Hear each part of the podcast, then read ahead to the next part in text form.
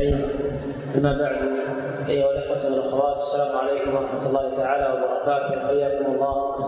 هذا اللقاء الطيب المبارك المتجدد الذي يجمعنا بصاحبه الفضيلة الشيخ عبد الرحمن بن حماد العمر داعية والمحاضر. نسأل الله تعالى أن يبارك في عمره وأن ينفع به. وصاحب الفضيلة الشيخ الدكتور سعيد بن علي بن وهب أخطأني أستاذ جامعة الملك سعود والمستشار في وزارة الشؤون الإسلامية. نسأل الله تعالى أن يجزي المندوب لصاحب الفضيلة ولديني اللذان سيتحدثان عن موضوع هام عن النشء تربيتهم والاهتمام بهم. وذلك في ضوء الكتاب والسنة. سنتحدث بالله تبارك وتعالى بداية مع فضيلة الدكتور سعيد بن علي بن القحطاني عن أهمية تربية الإسلام تربية الأولاد الإسلام فليتفضل جزاه الله خيرا واستفاده وبارك فيه. إن الحمد لله نحمده ونستعينه ونعوذ بالله من شرور أنفسنا وسيئات أعمالنا. من يهده الله فلا مضل له ومن يضلل فلا هادي له. وأشهد أن لا إله إلا الله وحده لا شريك له وأشهد أن محمدا عبده ورسوله صلى الله عليه وعلى آله وأصحابه وسلم تسليما كثيرا. أما بعد أيها الإخوة ما كان لي أن أتقدم بين يدي شيخنا الشيخ عبد الرحمن العمر ولكن لأن عندي بعض العذر في الحنجرة فأتكلم بما تيسر الله ثم يقوم بالموضوع كاملا. أسأل الله تعالى أن يتقبل من الجميع وأن يرزقنا العلم النافع والعمل الصالح والتوفيق لما يحبه ويرضاه.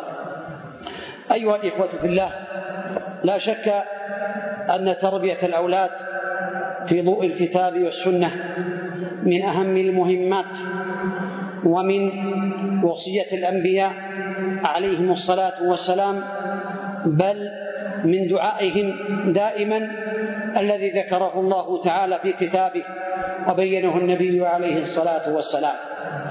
فالأنبياء عليهم الصلاة والسلام هم أول الناس في ذلك يعلمون الناس الخير ويخرجونهم من الظلمات إلى النور. هذا نوح عليه الصلاة والسلام. قال يا بني اركب معنا ولا تكن مع الكافرين.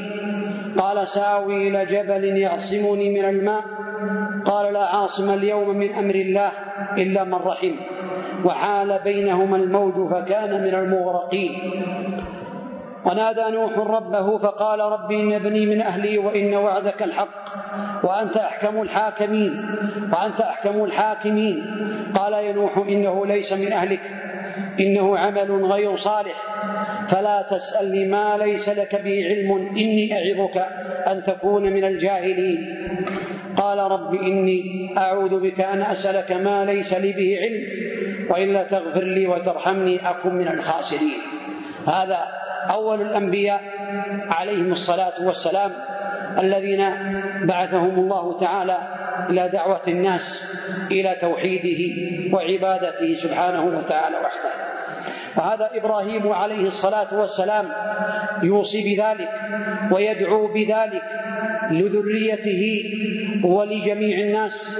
وإذ قال إبراهيم رب اجعل هذا البلد آمنا واجنبني وبني أن نعبد الأصنام رب إنهن أضللن كثيرا من الناس فمن تبعني فإنه مني ومن عصاني فإنك غفور رحيم. ربنا إني أسكنت من ذريتي بواد غير زرع عند بيتك المحرم. ربنا ليقيموا الصلاة فاجعل أفئدة من الناس تهوي إليهم. وارزقهم من الثمرات لعلهم يشكرون. ربنا إنك تعلم ما نخفي وما نعلن وما يخفى على الله من شيء في الأرض ولا في السماء. الحمد لله الذي وهب لي على الكبر إسماعيل وإسحاق. إن ربي لسميع الدعاء. رب اجعلني مقيم الصلاة ومن ذريتي ربنا وتقبل دعاء. ربنا اغفر لي ولوالدي وللمؤمنين يوم يقوم الحساب. هذا إبراهيم عليه الصلاة والسلام يدعو لذريته صلوات الله وسلامه عليه ومشفق عليهم أن يكونوا ويشفق عليهم ليكونوا عباد الله تعالى مخلصين. رب هب لي من الصالحين. قال الله فبشرناه بغلام حليم.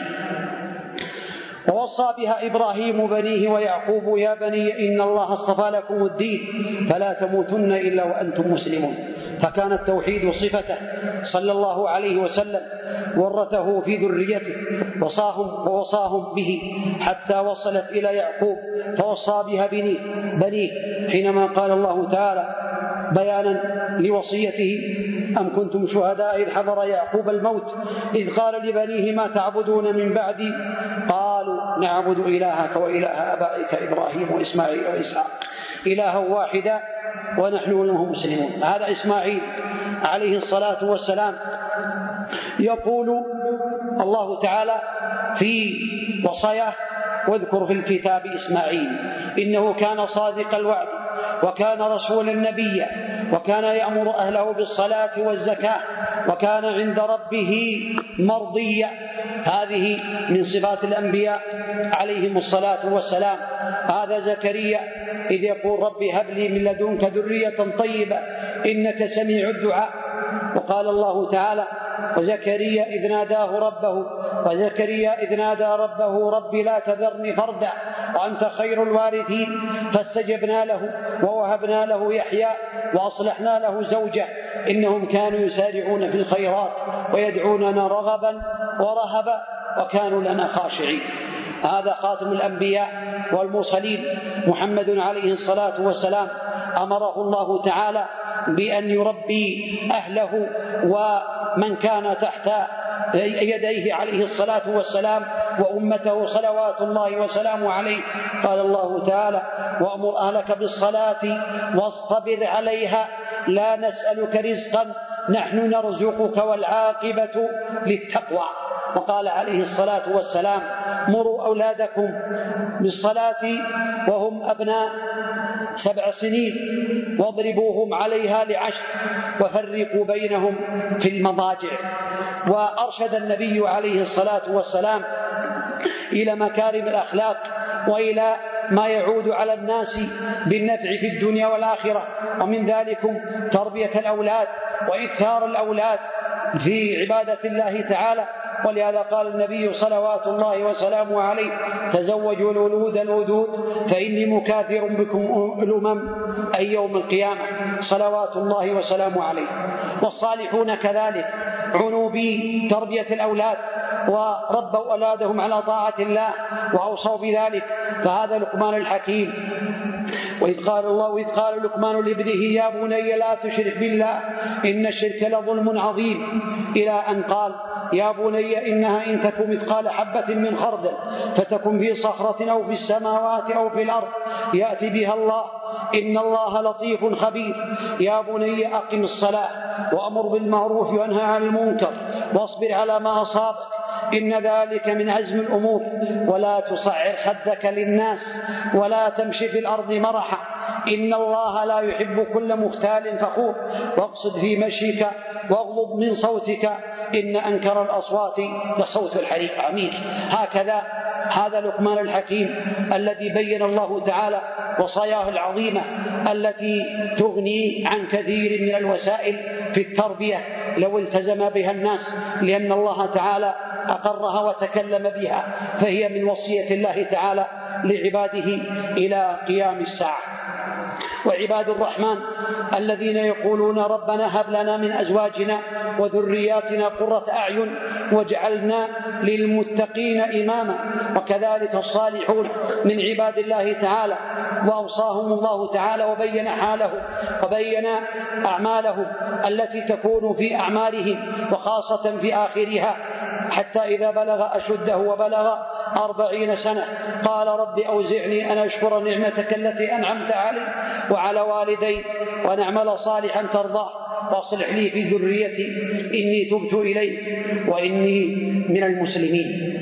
وهكذا أوصى النبي عليه الصلاة والسلام بأصل التربية في هذه الحياة الدنيا وهو اختيار الزوجة الصالحة لأنها اللبنة الأولى لتربية الأولاد.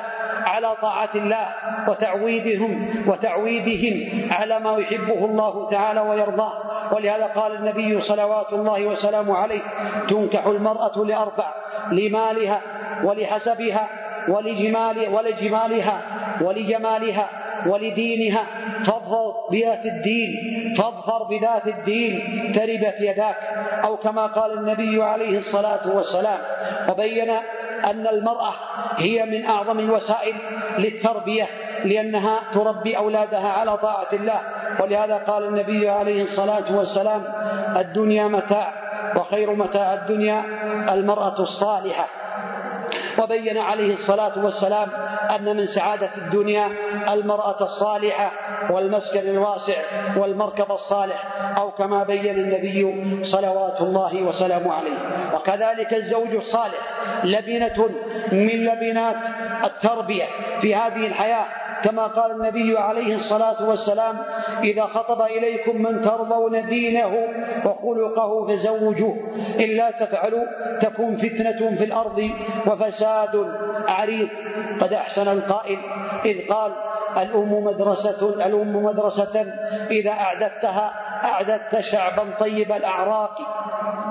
وكذلك من الأمور العظيمة التي ينبغي للإنسان المسلم أن يعلمها تربية أولية مهمة جدا قبل أن يبدأ بالتربية العملية وهي أن النبي عليه الصلاة والسلام قال لو أن أحدكم إذا أراد أن يأتي أهله قال بسم الله اللهم جنبنا الشيطان وجنب الشيطان ما رزقتنا فإنه إن قدر بينهم ولد في ذلك لم يضره الشيطان أبدا. قال النبي عليه الصلاة والسلام بل كان النبي عليه الصلاة والسلام قد أذن في إذن الحسن ابن علي أو الحسين ابن علي حين ولدته فاطمة بالصلاة. فهذا يدل على العناية بالتربية من وقت الولادة. يؤذن في إذنه عليه الصلاة والسلام. هذا فيه فوائد. تطرد الأذان يطرد الشيطان.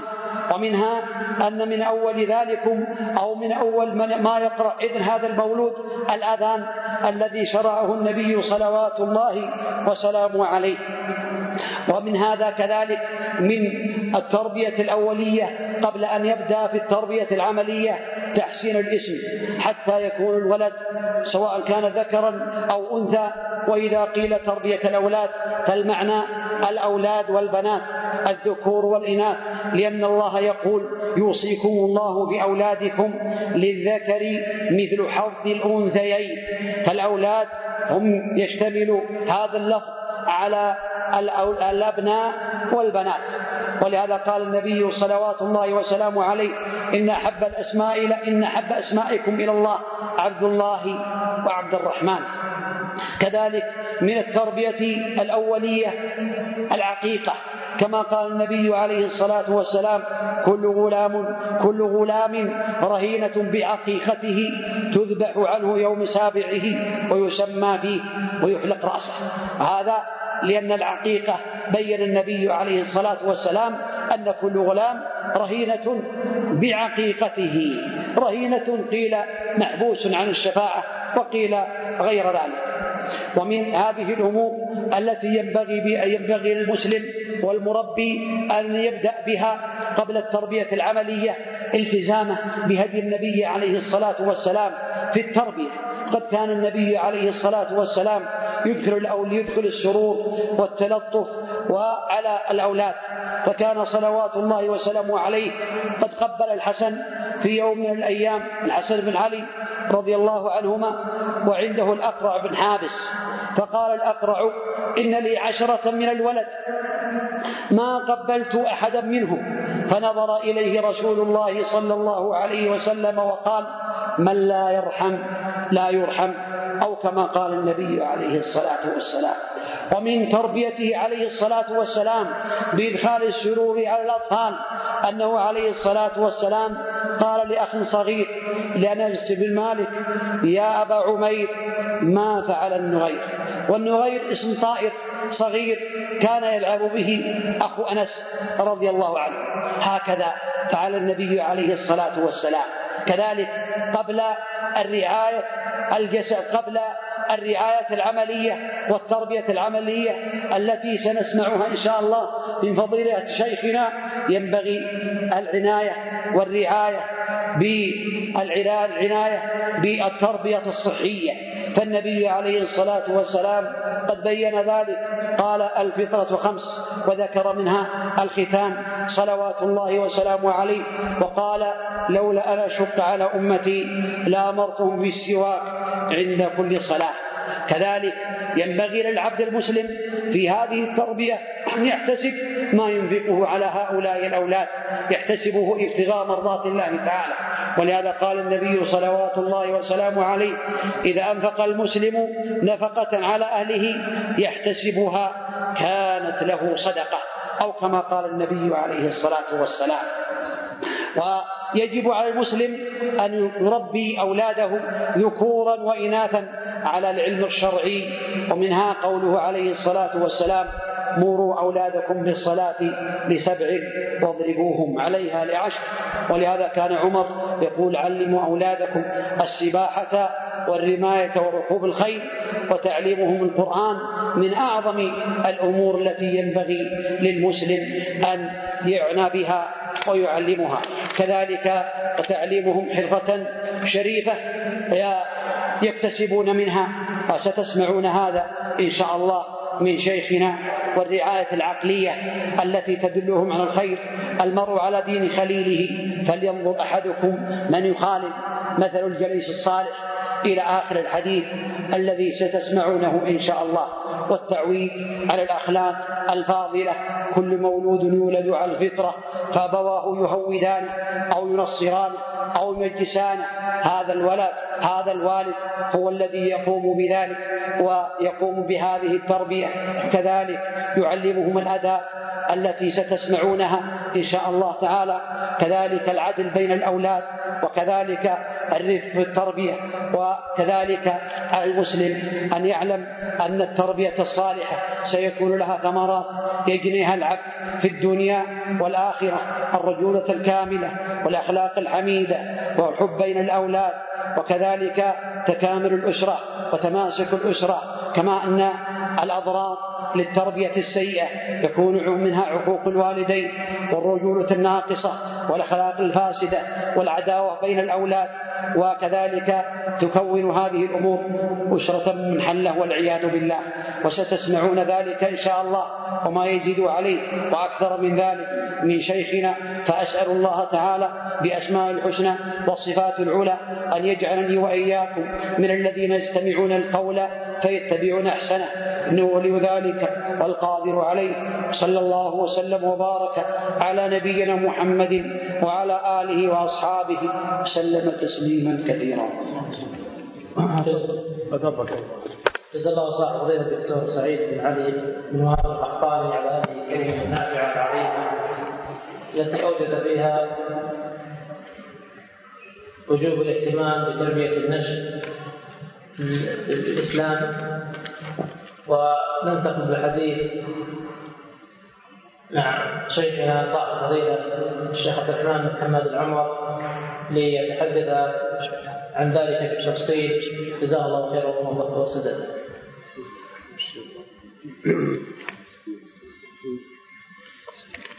الحمد لله رب العالمين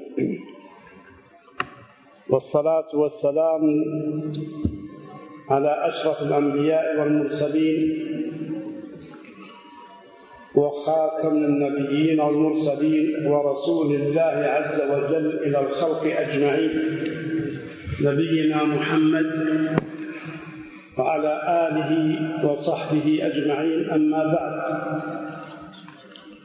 فإن خير الكلام كلام الله. وخير الهدي هدي محمد صلى الله عليه وسلم.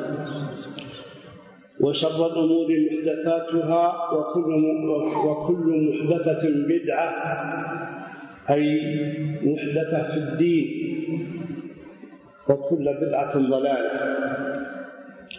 إخواني في الله أحييكم في هذا الاجتماع المبارك بتحية الإسلام. السلام عليكم ورحمة الله وبركاته. وأسأل الله عز وجل بأسمائه الحسنى وصفاته العلى الذي جمعنا في بيت من بيوته على طاعته أن يجمعنا ووالدينا ووالديهم وذرياتنا وإخواننا المسلمين في دار كرامة. إنه هو السميع العليم. إخواني في الله لا شك أن لتربية الناشئة أصولا يجب على المسلم عامة وطالب العلم خاصة أن يتفقه فيها لأنها من الأمور الضرورية اللازمة له في أمر دينه ودنياه. فلا بد للمسلم أن يؤمن قبل كل شيء بالأمور الاعتقادية الآتية. الأمر الأول الإيمان بأن هداية التوفيق بيد الله تعالى وأنه لا يهتدي مهتد ولا يهدي ولا يهديه هاد من الناس إلا بإذن الله عز وجل. ودليل ذلك كثير ومنه قوله تعالى إنك لا تهدي من أحببت ولكن الله يهدي من يشاء. الأمر الثاني الإيمان بأن الله سبحانه وتعالى علم هداية المهتدين وشقاء وشقاء الأشقياء قبل أن يخلق الخلق وكتب ذلك عنده في اللوح المحفوظ. ودليل ذلك كثير ومنه قوله تعالى هو الذي خلقكم فمنكم كافر ومنكم مؤمن. والله بما تعملون بصير. وقوله تعالى ولا يزالون مختلفين إلا من رحم ربك ولذلك خلقهم.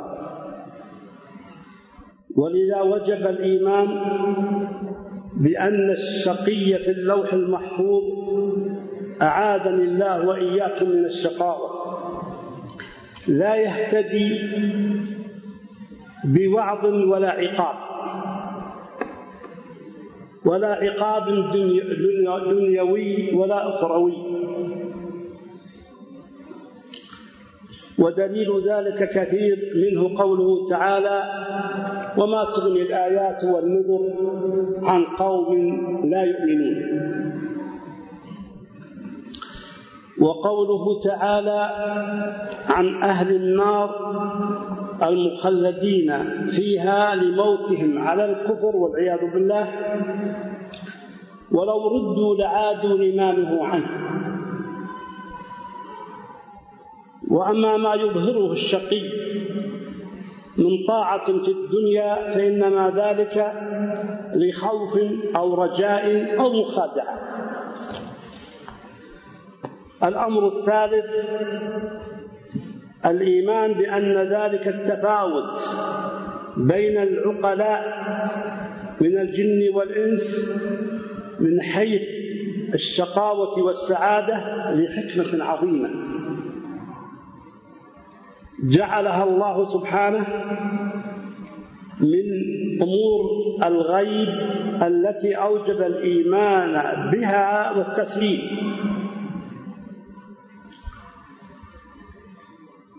فأوجب سبحانه وتعالى الإيمان بها والتسليم بأنها عين بأنها عين العدل والرحمة. فإذا كشف عنها سبحانه يوم القيامة أي عن الحكمة فيها علم المؤمنون بها والمنكرون لها أنها الحق علم اليقين. كما بين الخضر لموسى عليهما السلام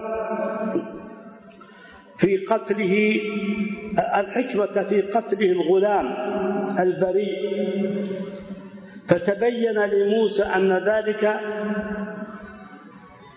رحمة به لكي يموت على الفطرة. فلا يموت كافرا.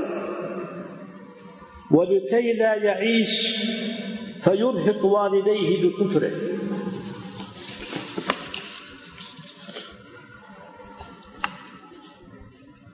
الأمر الرابع لا بد أن نؤمن بأن الله سبحانه قدير على جعل الناس كلهم مؤمنين. ودليل ذلك كثير أيضا ومنه قوله سبحانه ولو شاء ربك لآمن من في الأرض كلهم جميعا. الأمر الخامس الإيمان بأن ذلك التفريق بين المكلفين لم يكن عبثا. وإنما لحكمة فقد نزه الله سبحانه نفسه المقدسة عن العبث فقال وما كنا عابثين والذين يفسرون حديث القبرتين بأن الله سبحانه لما خلق المكلفين قبض قبضة فقال هؤلاء إلى الجنة ولا أبالي. وقبض أخرى وقال هؤلاء إلى النار ولا أبالي.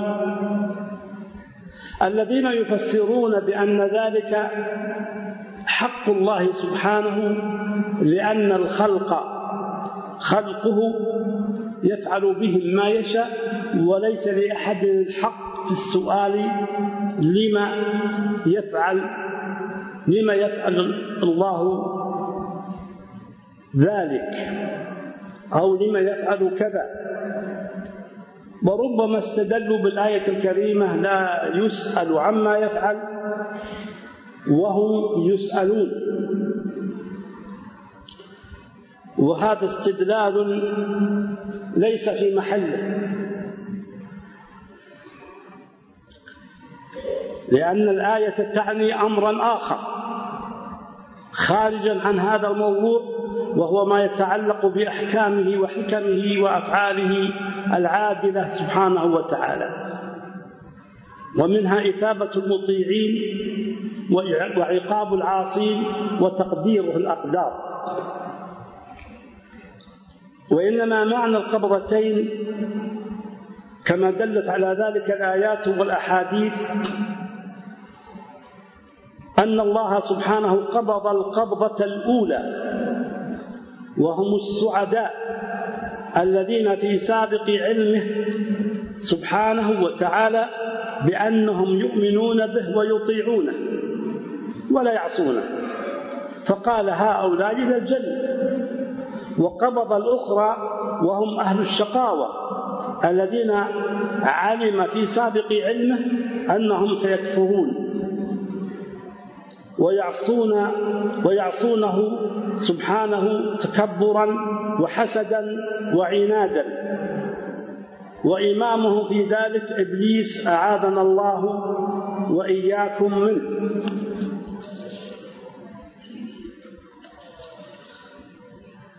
الأمر الثامن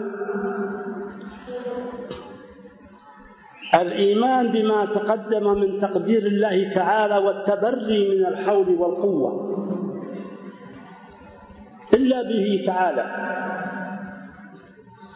وأن يخاف, وأن يخاف المؤمن سوء الخاتمة ويسأله دائما وأن يسأله دائما حسن الخاتمة فإنه لا يدري ما يختم له. ولذا كان المصطفى صلى الله عليه وسلم الذي غفر الله له ما تقدم من ذنبه وما تأخر يخاف ويقول في سجوده اللهم يا مقلب القلوب ثبت قلبي على دينك. ويا مصرف القلوب صرف قلبي على طاعتك وطاعة رسولك. صلى الله عليه وسلم. وفي الوقت نفسه يجب على المؤمن ألا ييأس من هداية الله تعالى للكافر وللمسلم الفاسق. فربما فربما يختم الله له بالخير وخاتمة السعادة فيكون من أعظم أنصار دين الله كما هو معلوم ومعروف لدى الجميع. ولكن يسأل الله للمهتدي الثبات و للفاسق وللكافر الهداية.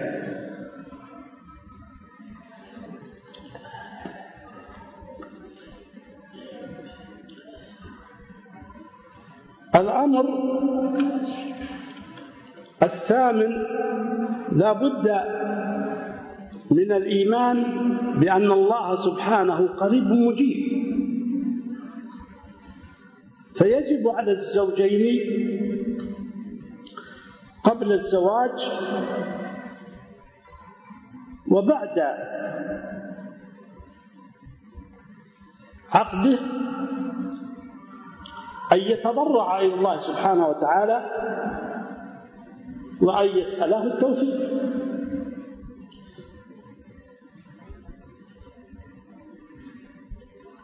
وأن يجمع مع ذلك الاستخارة به سبحانه.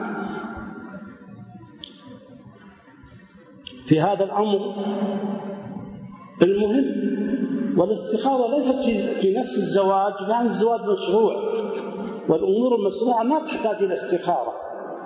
إنما يستخير الزوجان في الزوج في تلك الزوجة التي اختارها والزوجة في ذلك الزوج التي الذي اختارته.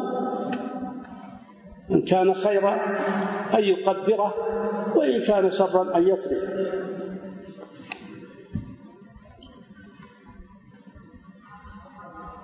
فالأسباب التي جعلها الله سبحانه وتعالى نافعة بإذنه تعالى لإصلاح النشء والتي يجب الإيمان بها والأخذ بها. بعد إيمان العبد بالأمور المهمة المتعلقة بالإيمان بالله عز وجل وقدره. والتي تقدم ذكرها. الأمر الأول أو السبب الأول والثاني من أسباب صلاح الذرية. هذان الأمران يكونان قبل قبل الزواج. قبل الزواج. وهما الأول أن يتأكد كل من الزوجين عن صلاح الآخر.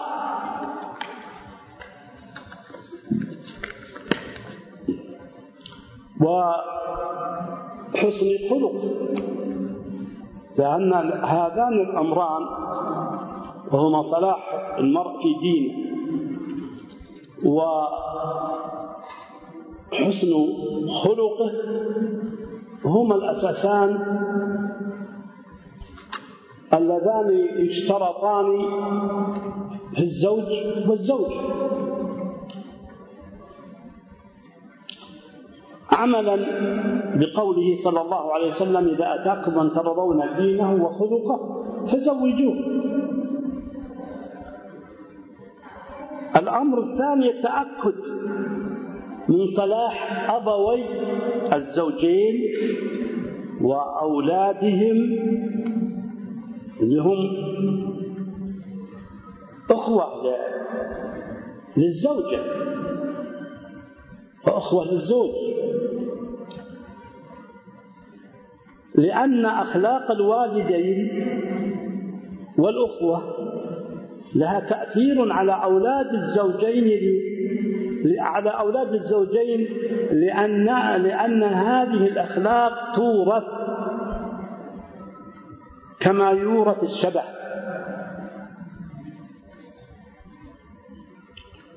والعرق دساس.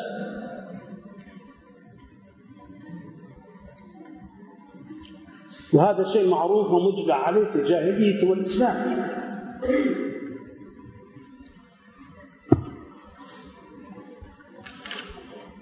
ولكن الاختيار يجب أن يكون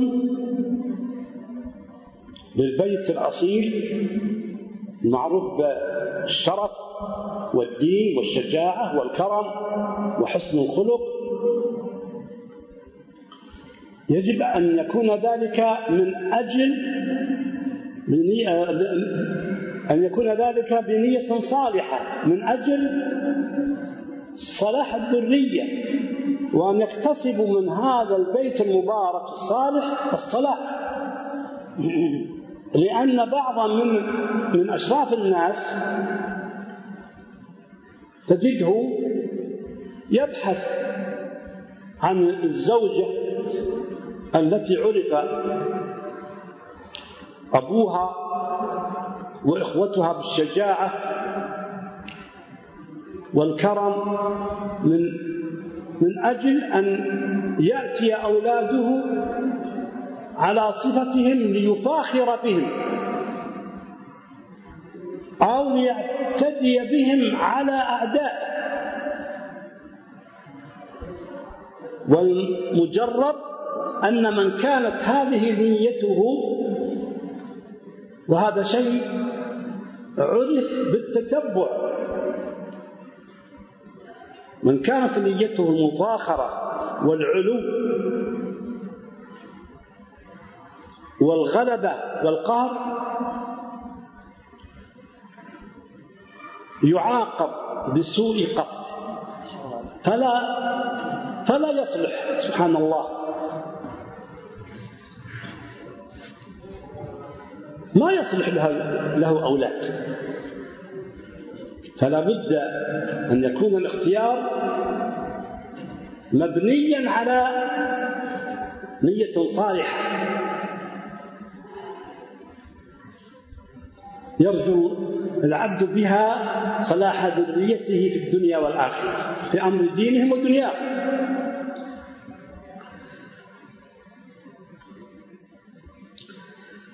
السبب الثالث من أسباب صلاح الذرية بعد الدخول. كنا الأول والثاني قبل الزواج. الثاني بعد الدخول. عند الجماع كما سمعنا من الشيخ يشرع أن يقول الزوج بسم الله اللهم جنبنا الشيطان وجنب الشيطان ما رزقتنا فإن, فإن قدر الله بينهما ولدا لم يضره الشيطان بإذن الله. السبب الرابع أن يحسن اسمه لأن للإنسان ذكرا أو أنثى نصيب من مسماه. ولذا كان النبي صلى الله عليه وسلم يغير الاسم الذي فيه تزكية ويغير الاسم القبيح أيضا. أما السبب الخامس فهو أن ينمي فيه ما فطره الله عليه. سبحانه. من الإيمان به عز وجل ووحدانيته بتلقينه الشهادتين وتعويده على الإخلاص لله سبحانه وتعالى والخوف منه سبحانه والصدق والأمانة والشجاعة وعدم الخوف واحترام الآخرين وعدم الاعتداء. هذه أمور قد فطر الله عليها. فالطفل توجد في هذه الصفات. لا يحصل له الكذب ولا يحصل له الخوف والجبن إلا بسبب التربية. إلا بسبب التربية. وإلا فهو لا يخاف. فلهذا فإن من الخطأ أن ترو أن تسكت الأم طفلها إذا صاح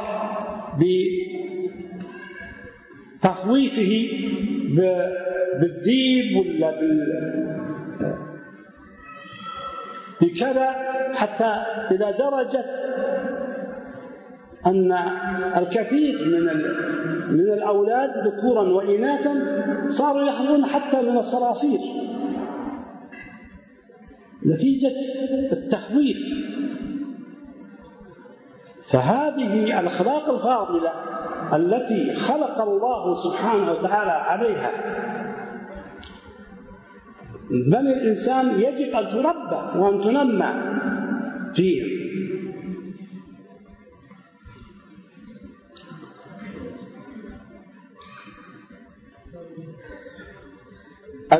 السبب السادس أن يكون الأبوان قدوة حسنة. للأولاد في الإكثار من ذكر الله تعالى والبعد عن سيء القول والفعل.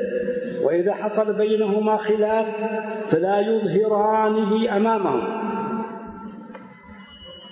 السبب السابع أن يعق كما سمعنا من الشيخ الأب عن ولده يعني يذبح عنه ذبيح يوم السابع أو يوم أو في اليوم الرابع عشر أو الحادي والعشرين أو في أي يوم من بعد ذلك من الأيام بنية التقرب إلى الله سبحانه وتعالى وحمده وشكره أن جعل هذا الفداء وأن وأنه سبحانه وتعالى لم يكلفه ويرهقه كما كلف وابتلى إبراهيم الخليل بأمره بذبح ابنه وغلبه كبده الوحيد الذي اوتيه على الكبر.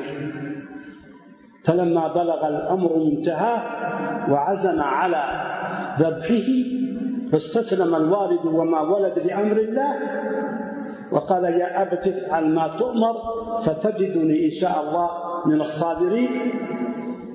رفع الله سبحانه وتعالى أو سلب الله خاصية القطع من السكين فلم تفعل شيئا ونودي أن يا إبراهيم قد صدقت الرؤيا وفداه الله بذبح عظيم.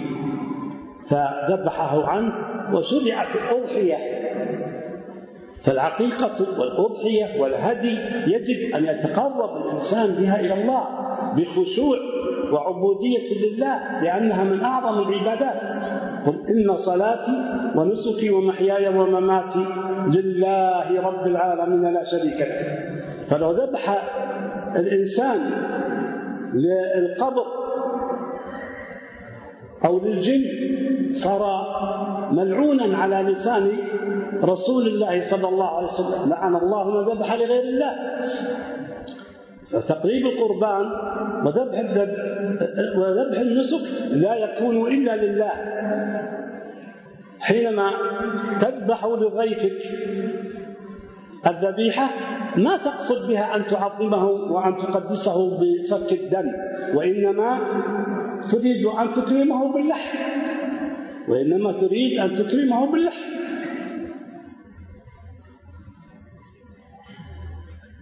أما السبب الثامن فهو أن يحرص الوالدان على تعليم أولادهم القرآن وسنة النبي صلى الله عليه وسلم منذ الصغر. وأن يحرص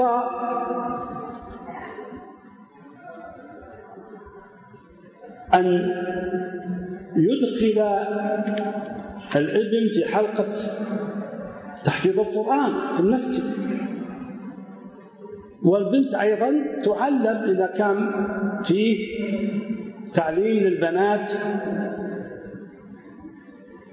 محاط بالستر والحفاظ. من قبل مدرس مدرسات من المؤمنات.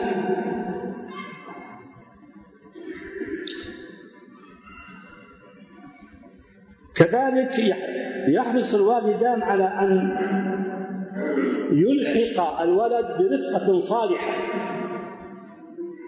يتربى معها على الإيمان والصلاح في أمور دينه ودنياه. ويحذر الانخداع بدعاة الشر الذين يشوهون. سمعة تلك الحلق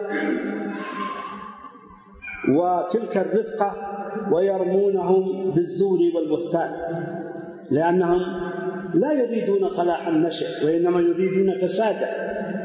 نسأل الله السلامة والعافية. أما السبب العاشر فهو أن يتعامل الوالدان مع الأولاد بالرفق في التربية. ويحذر العنف. لأن ذلك لا يأتي بخير. ما أتى الرفق في شيء إلا زانه وما نزع من شيء إلا شانه. أما السبب الحادي عشر فهو أن يجتهد السبب الحادي عشر أن يجتهد في العدل بينهم. يرحمك الله. يرحمك الله. وتزويجهم ذكورا وإناثا. بالصالحين والصالحات كما تقدم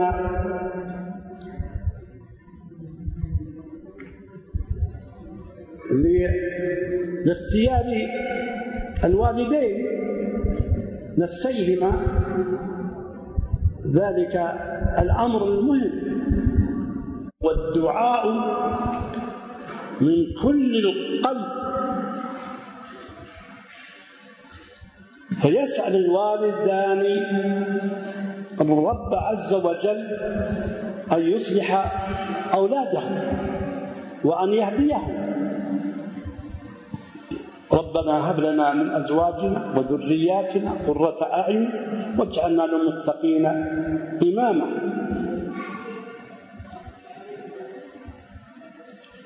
رب أوزعني أن أشكر نعمتك التي أنعمت علي وعلى والدي وأن أعمل صالحا ترضاه وأصلح لي في ذريتي. إني تبت إليك وإني من المسلمين.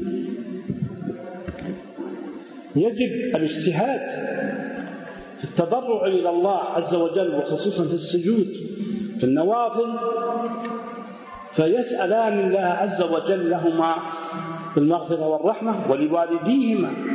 الوالدان لهما حق كبير يجب على الولد ذكرا أو أنثى أن يحرص كل الحرص على برهما بالدعاء لهما. في كل الأحوال لأن دعاءه للوالدين ينتفعان به ويرفعهما ويرفع الله بهما منزلتهما في الجنة. إن كان من أهل الجنة وإن كان أو أحدهما قد استحق النار والعياذ بالله فالله سبحانه وتعالى قريب مجيب يعفو عنهما ويسمح ويغفر سبحانه وتعالى فلا يعذبه الوالد بسبب دعاء ولده الصالح.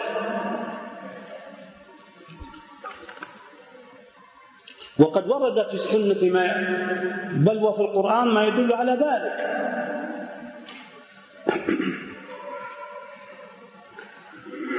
أما الأمر المتعلق بمسألة الدعاء فهو أن يحذر الوالد والوالدة أن يدعو على ولده لأن دعاء الوالد على الولد مستجاب.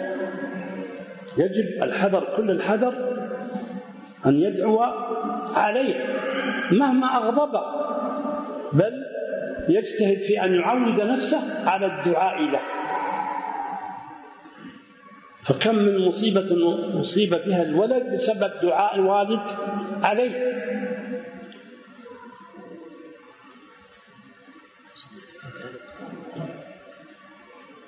فنسأل الله عز وجل بأسمائه الحسنى وصفاته العلى أن يمن علينا بحسن الخاتمة وأن يصلح نياتنا وذرياتنا.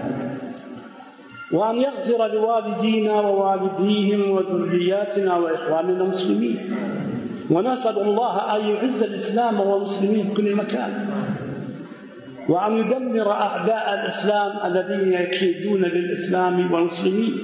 وأن يرد كيدهم في نحورهم ونسأل الله أن يجزي ولاة أمورنا على ما يقدمونه من خير ونصح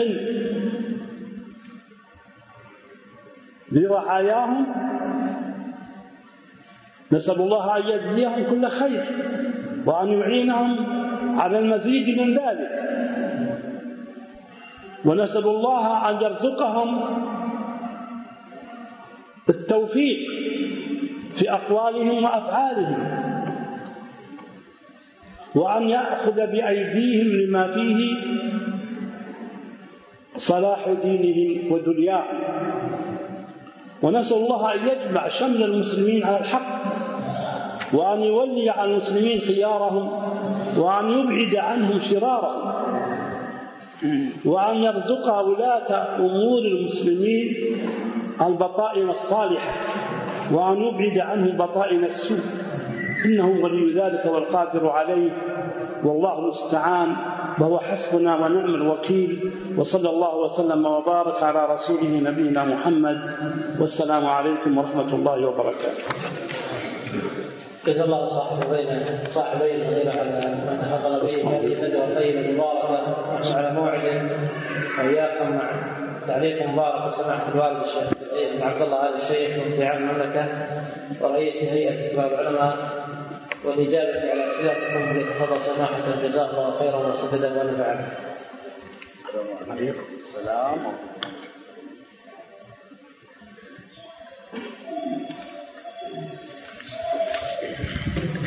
بسم الله الرحمن الرحيم. الحمد لله وصلى الله وسلم وبارك على رسول الله وعلى آله وأصحابه أجمعين. وعلى التابعين لهم باحسان إلى يوم الدين وبعد. اصينا إلى هذه الليلة المباركة. تحدث السعيد الشيخ الرحمن محمد العمر عن موضوع لا شك أنه من الموضوعات المهمه التي لا بد للناس أن يتذكروها دائما وهي تربية الأولاد على منهج الكتاب والسنة.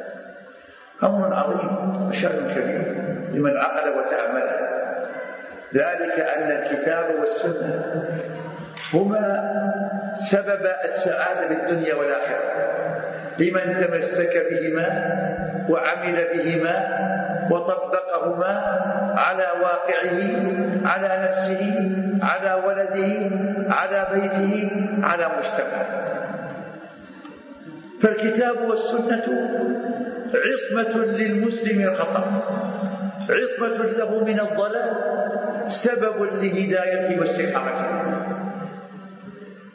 وتربية النشء هي أمانة في أعناق الآباء والأمهات.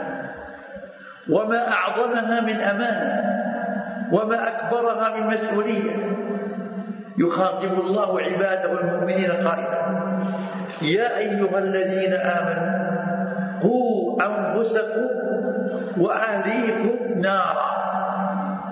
قوا أنفسكم وقوا أهليكم نارا وقودها الناس والحجارة. عليها ملائكة غلاظ شداد. لا يعصون الله ما أمرهم ويفعلون ما يؤمرون. فكما أن نقي أنفسنا النار بطاعتنا لله والتزامنا الأوامر وبعدنا عن النواهي. فكذلك نقي أولادنا النار بأن نعلمهم نربيهم التربية الصالحة ننشئهم على الخير والتقوى ننشئهم على حب الخير والرغبة فيه ننشئهم وهم يرون من الآباء والأمهات القدوة الحسنة والأسوة الصالحة. ينشأ الإبن ويبصر ويدرك الأشياء ويرى أباه ذا خلق جم. صدق في الحديث أداء في الأمانة نصح بعد عن الكذب والغش والخيانة. يرى أباه معظما للإسلام يرى أباه معظما للصلاة محافظا عليها معتن بها. يرى أباه بارا بأمه بارا بأبيه. يرى أباه واصلا لرحمه محسنا للجوار قائما بالواجب. عندما ينشأ النشأ ويدركون الآباء والأمهات على هذا المنوال الطيب والخلق الحسن فسينشأون على خير ويقتفون خيرا. وينشأ ناشئ الفتيان منا على ما كان عوده أبوه. يسمع من أبيه الكلمات الطيبة المهذبة ويرى ما بين أمه وأبيه. من روابط وثقات وروابط وأواصر قوية. فيدرك ما للتعاون في المنزل من عدل فعال في إصلاح الفرد والجماعة. إن الملزم في القرآن يجد هذا حقيقة كما قال الشيخ سعيد فيما ساق من الآيات في قوله جل وعلا عن إسماعيل وكان يأمر أهله بالصلاة والزكاة وكان عند ربه إنه كفر إسماعيل إنه كان صادق الوحي وكان رسولا وكان يأمر أهله بالصلاة والزكاة وكان عند ربه ويسمع. الموفق يقول رب أوزعني أن أشكر نعمتك التي أنعمت علي وعلى والدي وأن أعمل صالحا ترضاه وأصلح لي في ذريتي. إني تبت إليك وإني من المسلمين. فهو يربي ويوجه ومع هذا فلا ملجأ له من الله إلا إليه. ولا تحقيق لمراده إلا بتوفيق الله وعونه وتجده ونجدهم كما قال الله والذي في عباد أصل عباد الرحمن والذين يقولون ربنا هب لنا من أزواجنا وذرياتنا قرة أعين واجعلنا للمتقين إماما. هذا الدعاء. ربنا هب لنا من أزواجنا وذرياتنا قرة أعين لأن بالطاعة تقر عين الأبوين بالأبناء والبنات وإذا عصى الأولاد فما هو قرة عين؟ ونسمع الله يفعل عليه السلام. رب اجعلني مقيم الصلاة ومن ذريتي. واسمع الله جل وعلا. يقول إبراهيم عليه السلام أيضا واجنبني وبني أن نعبد الأصنام. رب إنهن أضللن كثيرا من الناس. هكذا يا إخوان لا بد من من سبب ثم من دعاء الله ورجائه ولوصية لقمان كما قال الله إذ قال لقمان لابنه وهو يعظه يا بني لا تشرك بالله إن الشرك لظلم عظيم. علمه التوحيد وأسس العقيدة في نفسه. لا تشرك بالله شيئا. إن الشرك لظلم حذره من أعظم الذنوب وأكبر الذنوب وأعظمها شرا وأكبرها خطرا ذنب صاحبه خالد مخلد في النار إلا لقي الله بتوبته ثم في ثنايا يا بني إنها إن تكن مثقال حبة من خردل فتكن في صخرة أو في السماوات أو في الأرض يأتي بها. إعلام بكمال قدرة الله وإحاطته بالعبد وعلمه بجميع سرائره وجميع أعماله ما دق منها مرجع يا بني أقم الصلاة وأمر بالمعروف وانهى عن المنكر واصبر على ما أصابك إن ذلك من عزم يا بني أقم الصلاة وأمر بالمعروف وانهى عن المنكر واصبر على ما أصابك خصال ذلك. الصلاة الأمر بالمعروف والنهي الصبر على ما أصاب ثم نهى عن الأخلاق الرديئة ولا تصعد خدك للناس ولا في الأرض مرحا. إن الله لا يحب كل مختال واقصد في مشيك واغضر من صوتك. إن أنكر الأصوات لصوت الحمد وكما أشار الشيخ سعيد في كلمة قالها قال إن تربية القرآن التي جاءت الآيات وجاءت في سورة رسول الله فوق كل ما وضع من سورة صحيح. المربون ووسائلهم تهتم بالعقيدة والأصول قد تهتم ببعض المظاهر لكن تأسيس العقيدة وتدعيم أركان الإسلام والأخذ بيده من الخير هذه أمور تؤخذ من كتاب ربنا ومن سنة نبينا. فالتربية إذا سلكت هذا المسلك فإنها تربية صالحة ناجحة. هذا نوح يخاطب ابنه ثم يدعو ربه. يا يا يا كما قال يا يا ونادى نوح ابنه وكان في يا بني اركب معنا ولا تكن مع الكافرين. ثم ينادي ربه رب إن ابني من أهلي وإن وعدك الحق وأنت أحكم الحاكم. إلى آخر آية فيا إخواني لا بد من سبب ثم سؤال الله ثم قدوة صالحة له. في الخير وتعاهدهم الله يقول نبي وأمر أهلك بالصلاة واصطبر عليها لا نسألك رزقا نحن نرزقك والعاقبة للتقوى. فما أصيب الأبناء بأكثر من فساد الآباء وسوء أخلاق الآباء وقلة حياء الآباء هي مصيبة عظيمة. فعلى الابن وعلى الأم أن يكون الجميع قدوة لهذا النشء ليكتبوا به بالخير وعلى الصواب. أسأل الله أن يصلح ذرياتنا ويرحم آباءنا وأمهاتنا ويجمع قلوبنا على طاعته ويوفق ولي أمرنا وولي عهده والنائب الثاني جميعا لكل خير. وصلى الله على محمد وأسأله جل وعلا أن يجزي الشيخين سعيد الشيخ الرحمن خير عما قدم وقال. جزا الله سماحة الشيخ تفضل ننبه الأحبة على الندوة في الأسبوع القادم لله تبارك وتعالى والتي هي بعنوان منهج الدعوة إلى الله تعالى. تفضل بإلقاء صاحبي فضيلة الشيخ الدكتور خالد بن عبد الرحمن القريشي الدكتور عبد الله بن إبراهيم الخيدان فنحب الأحبة الحرص على حضور هذه الندوات والمحاضرات النافعة. يقول السادس سماحة الشيخ شخص مسحور أو مسألة أو به مس هل هو معذور عن أداء صلاه الجماعة حيث أنه يخشى أن يضر بإخوانه المسلمين بسبب المرض؟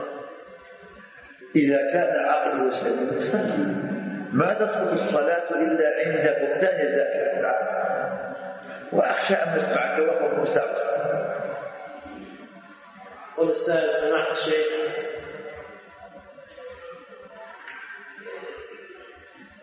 نود من سماحتكم توجيه للآباء والأمهات بألا بألا يدعون أبنائهم بألا يدعون أبنائهم بالشر ولكن دعوتهم بالخير في كل الأحوال وكذلك الأمهات. الله يقول ادع إلى سبيل ربك بالحكمة والموعظة الحسنة وجادلهم بالتي أحسن لابد من الرفق بالدعوة. للدنيا وغيرها كثير رفق بالدعوة واتباع سبيل السداد والنظر في العواقب. والصبر على بعض الأخطاء في سبيل تحقيق ما هو أعلى من ذلك. قل السائل سماحة الشيخ هل زيارة القبور والصلاة على الجنازة في القبر عند القبر تعدل أجر اتباع الجنازة؟ لا الرسول جعل أمرين. جعل اتباع الجنازة والصلاة عليها فمن صلى عليه ولو كرام ومن حضر حتى ولو كرام فإن صلى علي في المسجد وحضر دفناه فله كرامة وسنة رسول الله غالب عليه أنهم كانوا يصلون على الجنائز المقبرة.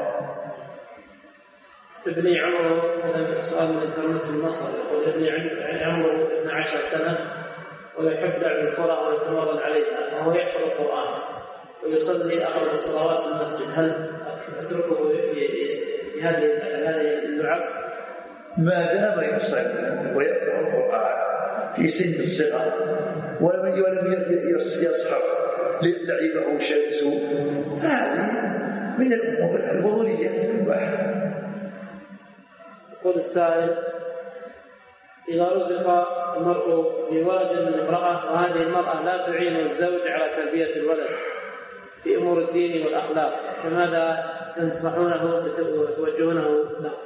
أبدا هو له الأمر على الزوج وعلى يستعين بالله ويبذل السبب بالرفق واللين وسيسر إن شاء الله.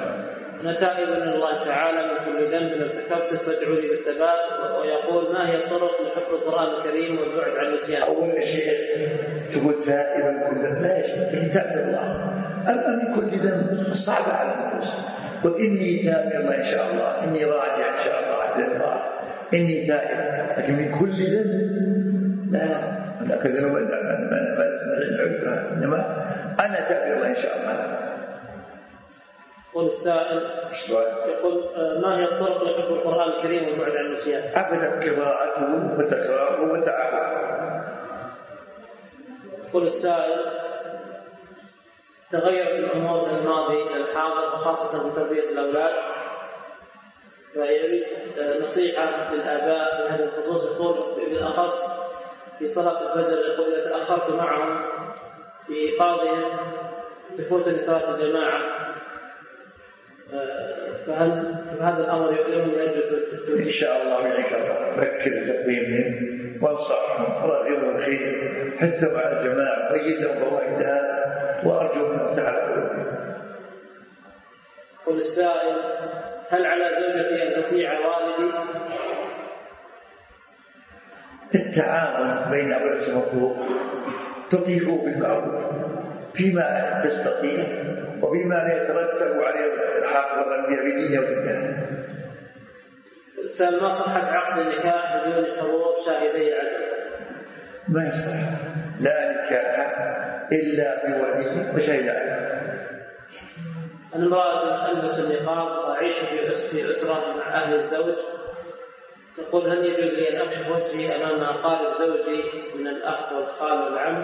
لا أنا نعيش في بيت واحد. وإن كان وإن كان. واحدة وإن كان. لا بد من الجنسين يقول السائل هل المحلات التجارية والمصانع عليها زكاة؟ لا الزكاة على دخلها إن مضى عليه حول ويقول هل شراء الذهب بغرض الزينة وليس التجارة عليه زكاة؟ لا زكاة عليه. يقول السائل سماحة الشيخ أشهد الله تعالى على حبكم رزقني الله تعالى بولد قبل ثلاث سنوات والآن أريد أن أعق عنه هل هل لابد أن أضع عزومة في ذلك؟ بعد النكحتين يكون منها وزع منها واعزم عليها. جزا الله سماحة الشيخ على ما تفضل وجزاكم الله خيرا على حضوركم وإنصاتكم والاسبوع المقبل بإذن الله تبارك وتعالى. وصلى الله وسلم وبارك على نبينا محمد.